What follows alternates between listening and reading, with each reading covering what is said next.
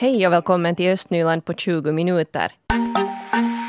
Den irakiska familjen med de sju flickorna i Lovisa som vi har uppmärksammat tidigare, den familjen väntar fortfarande på beslut om uppehållstillstånd. Stödpersonerna Timo Raivios och Desiree Kantolas insatser är mycket viktiga för att vardagen ska fungera och för att familjen ska få hälsovård. Familjen har väntat i ett års tid på att domstolen ska behandla deras fall och besvär. Leo Gammals har besökt familjen i Lovisa och vi ska nu höra mamman i familjen. مرحبا أنا سناء من العراق أم لسبعة بنات Jag heter Sana och är mor till sju barn. Jag kom till Finland för att det är ett tryggt land och för att tryggheten saknas i mitt land. Men Migris beslut var verkligen dåligt. Barnen mår dåligt på grund av beslutet. Och jag ställer den här frågan nu och vill en dag ha ett svar. Varför gör ni så här mot våra barn?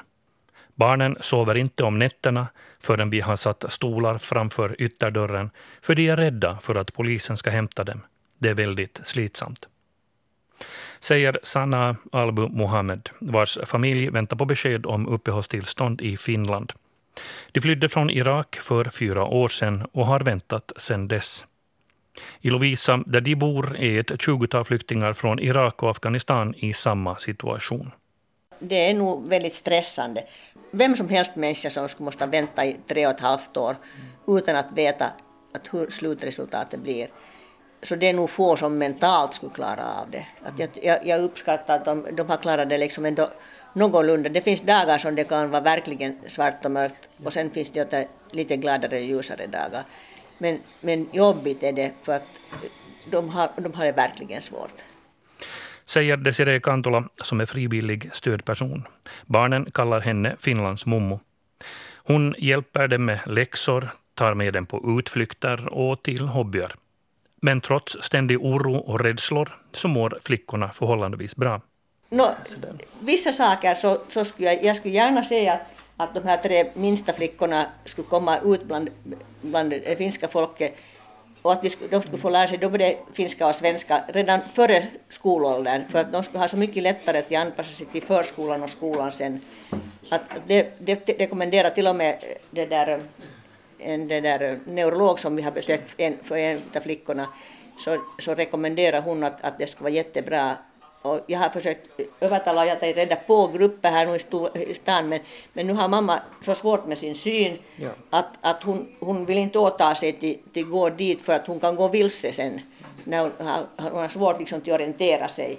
Och, och då, då borde pappan kunna följa med men, men då borde man ta alla tre barnen med och, och att fara en sådan tid att de andra flickorna är i skolan. Det, det är liksom så många pusselbitar som ska passa ihop för att man ska få det att fungera. Familjens största problem handlar om tjänster som asylsökande inte har rätt till, till exempel dagvård och rådgivning för de tre yngsta.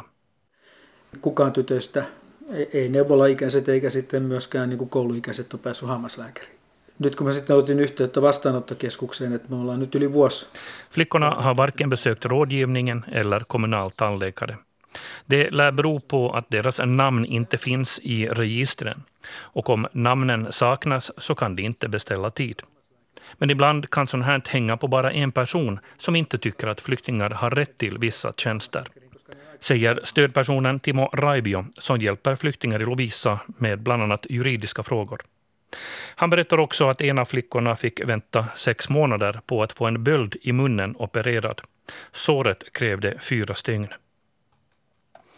Medan man väntar på ett beslut om uppehållstillstånd finns inte väldigt mycket mer att göra än att vänta. Raivio beklagar sig därför över att det ordnas för lite sysselsättning för vuxna asylsökande i Östnyland. Det skulle vara viktigt eftersom de varken får studera eller arbeta. Ja, om inte man har pengar.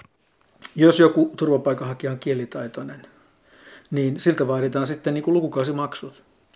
Eli Porvoossa esimerkiksi lähihoitajakoulutus, niin se maksaa 4000 vuodessa. Om en asylsökande till exempel kan språk, finska eller svenska, så kan man studera, men det uppbärs en terminsavgift. Att bli närvårdare i Borgo kostar 4 000 euro per år, 10 000 euro om du vill bli ingenjör. Men det skulle vara viktigt med sysselsättning för då skulle riskerna för utslagenhet minska och man skulle bättre kunna ta vara på all den kunskap som flyktingarna har. Och det sa här redaktör Leo Gammals som översatte vad Timo Raivio berättade. I mars 2018 samlades hundratals Lovisabor till en demonstration på torget för att stödja flyktingfamiljen. Och om ni vill läsa en artikel med familjen och hur de mår nu så ska ni gå in på svenska.yle.fi östnyland.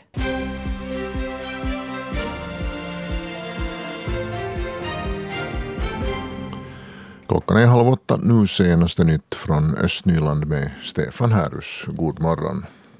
Lovisa stad säljer 12 olika åkerområden på totalt cirka 82 hektar. Åkerområdena är antingen icke planlagda eller anvisade som områden avsedda för jordbruk. Områdena varierar i storlek från en och en halv hektar till nästan 20 hektar. Staden själv säger i ett pressmeddelande att en så stor offentlig försäljning där helheten är indelad i mindre objekt är mycket ovanlig. Ungefär hälften av arealen finns i närheten av centrum.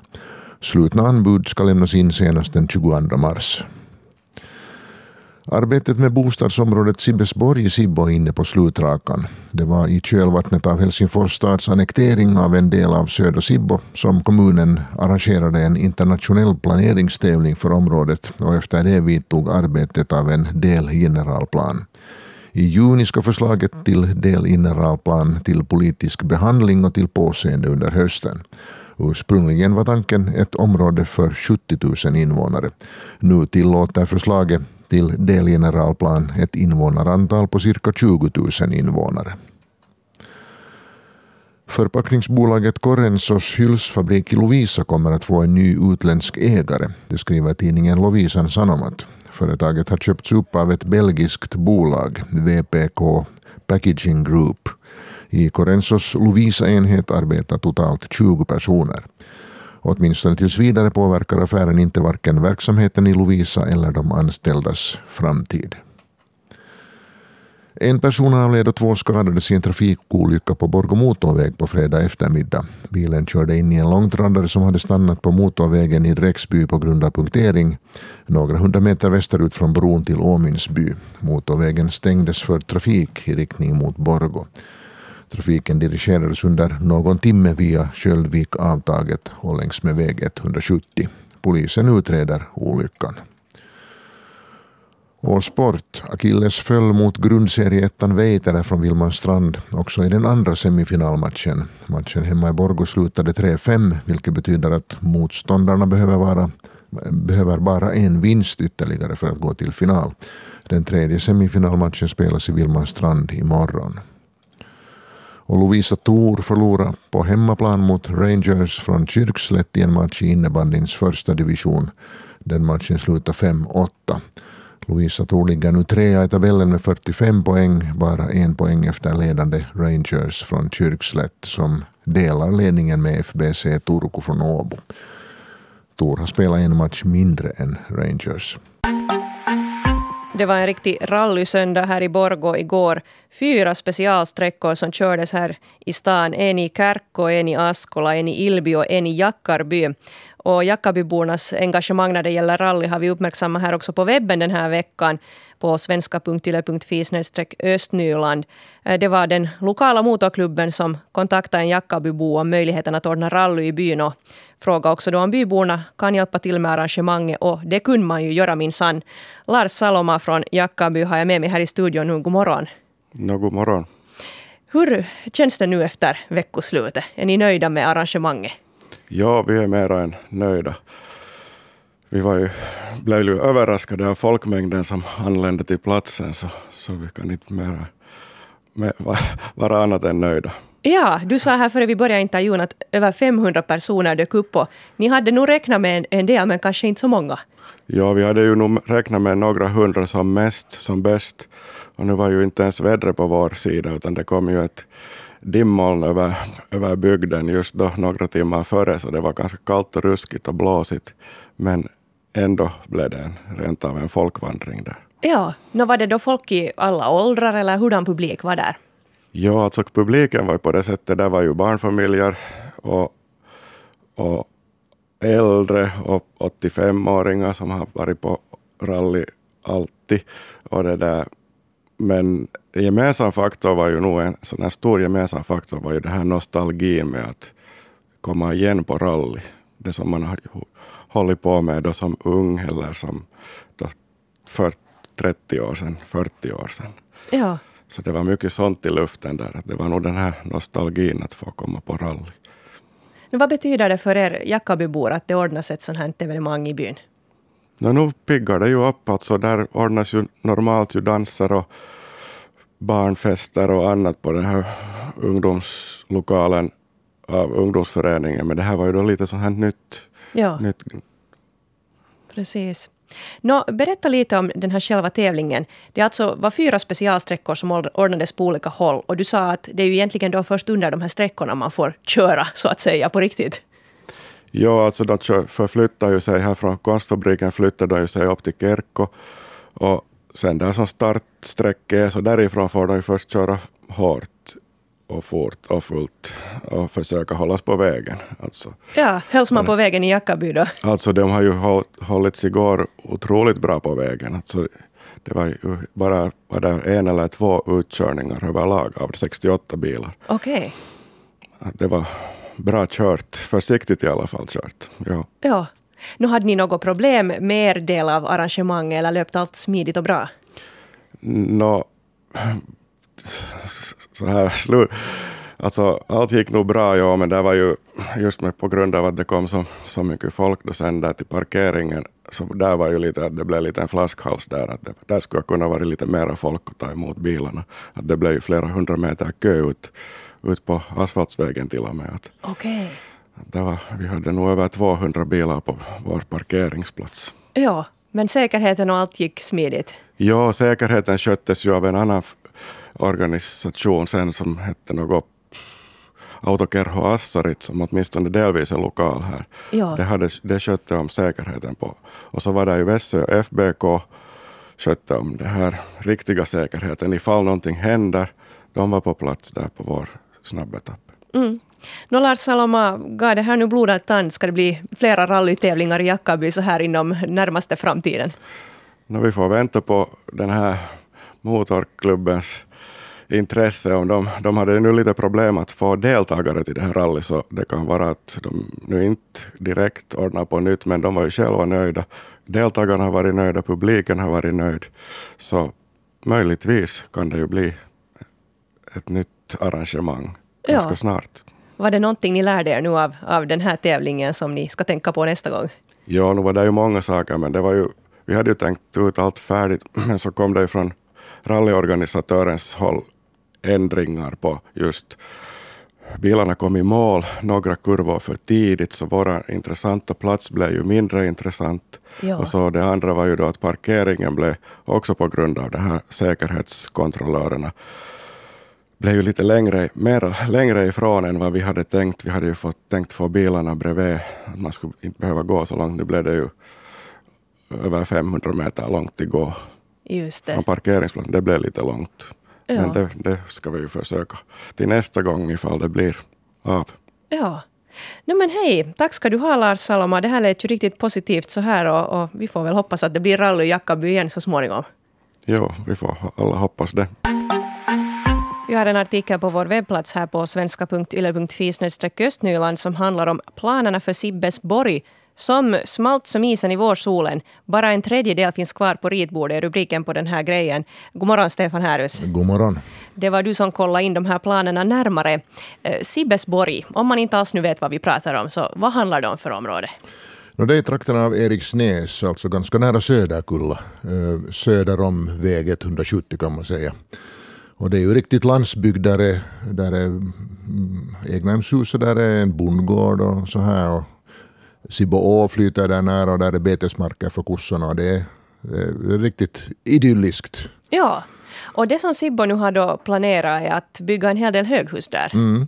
Ja, redan för eh, ja, snart tio år sedan, 2011 tror jag man började lite skissa på planer och det där det var kanske i efterdyningarna av Helsingfors stads annektering av en, en del av södra Sibbo. Så i rädslan så tog man till storsläggan kan man säga och planerade en, en stadsdel inom citationstecken med, med 70 000 invånare. Så, skulle då, ja, så, så pass stor skulle den bli. Sen så har man under årens lopp skurit ner så att förslaget har varit 30 och nu är man då nere i till och med 20 000. Så att betydligt mindre men ändå lika mycket som Sibbos invånare just nu. Så att en, en, ja. en stor Eh, ett stort centra blir det nog om det blir verklighet. Precis. Och du kollar in nu lite nuläge när det gäller de här planerna. Du pratade där med Sibbo kommuns generalplanechef Kajsa Jama. Vad kunde, kunde hon säga? Jo, hon säger att ja, alltså för det första så är det ju många som har trott att planerna har legat nere rent av i och med att man också har planerat andra områden nu där nära Söderkulla gård, där vid Hansas och så vidare. Men planen, planen är nog eh, på ritbordet ännu. Eh, vad som har hänt under åren och vad som händer nu så det förklarar hon så här. Detaljplanläggning framskrider på området enligt den delgeneralplanen. Och det är den samma planering som vi gör på olika skala, alltså detaljplanering och delgeneralplanläggning har den samma riktlinjen. Och, men det har försenat lite den delgeneralplanen eftersom landskapsplanen har förändrats. Ja, landskapsplanen är alltså en plan som Nylands förbund då, eh, ritar upp och, och det där, den är då försenad bland annat på grund av eh, det här med Östersund och, och där har ju tre olika kommuner fått säga sitt och det har rots och hopats kring den planen så det har ju sen då påverkat den här planen om, om Sibbesborg. Mm. Och, och hon förklarar, eh, Jama åt mig när jag talade med henne att den här nya landskapsplanen för Östersund gäller då halva Sibbesborgs område och den nuvarande landskapsplanen gäller den andra halvan. Eh, så de går in i varandra de här och dessutom så utarbetar då Nylands förbund som bäst också en helhetslandskapsplan för hela den här regionen, hela det här området som då är både Sibbo och Helsingfors. Så det är en massa planer? Det är en massa planer på gång samtidigt. Så det, det är orsaken till att ingenting har hörts och att allting har gått sådär sakta och försiktigt. Eh, Nylands förbund tyckte ju redan i början när den här planeringen tog fart att kommunens plan för Sibbesborg var överdimensionerad och nu har man då så att säga tagit skeden i vacker hand också i, i, i Sibbo, säger Kajsa Jama. Dimensionering har förändrats mycket, alltså minskat och Sen uh, vi fick uh, ganska mycket respons från uh, utkast, uh, utkast till delgeneralplanen och det har vi tagit uh, till hänsyn och förändrat planerna enligt den respons. Så mer småhus är någonting man kommer att satsa på nu? Ja, mera småhus och, och egna, egnahemshus, parhus, mindre eller färre höghus och inte några väldigt stora höghusområden helt enkelt, utan mindre skala. Ja. Du pratade också med en invånare där kring det här området. Vem var det som du pratade med? Jo, det var Johanna Ullberg på Skrafflas gård, en gammal gård som har funnits där sedan 1700-talet. Och, och de har hästar och kor där. Och hon berättar ganska intressanta historier om människor som kommer dit för att bara liksom titta på korna som hon sa. Ja. Att människor som inte ens är från regionen. Att det är en väldigt idyllisk som sagt plats just med den där bondgården där i centrum. Och dagisbarn kommer dit på utflykt för att titta på kor och klappa hästar och så här vidare. Och hon är förstås orolig att allt det här nu ska försvinna som har funnits där i, i, sedan 1700-talet. Och hon, hon protesterade då redan när, när den här planen var upp till, till påseende för kommuninvånarna första gången och det kommer hon också att göra nu. No, jag är nog lika fundersam som tidigare. Just därför för att det är svårt att, att greppa om, om deras planer blir det mycket eller lite eller... Och sen är det ju förstås vi som har har kossor och har en sån produktion att vad, har det något värde i, i framtiden? No, det att man nu har bantat lite på den här storsvulstiga planen så är det någon, någon tröst? No, nu kan det hända att det är en liten tröst. Nu, jag har, nu just har vi nog inte riktigt sett på, på den, hur den kommer att inverka riktigt här omkring. I höst så ska invånarna få säga sitt igen. Eh, är det någonting som ni där på gården kommer att göra? Högst antagligen nog, ja. Ja, så här alltså Johanna Ullberg på Skrafflas gård eh, där i Eriksnäs. Det område där alltså då Sibbesborg ska eh, formas så småningom. Och politikerna, eller ja, politikerna ska ta ställning till det här nu då i början av sommaren. I juni tyckte jag att Äh, Kajsa Yamasa. Och, och sen i höst efter sommarsemestern så då kommer det till påseende så då får eh, Johanna Ullberg och alla andra Sibbobor säga sitt vad de nu tycker om, om de här planerna. Tack Stefan. Östnyland på 20 minuter är en svenska YLE-podcast. Jag heter Katarina Lind. Tack så mycket för sällskapet. Och om du vill lyssna på fler poddar så kan du gå in på arenan.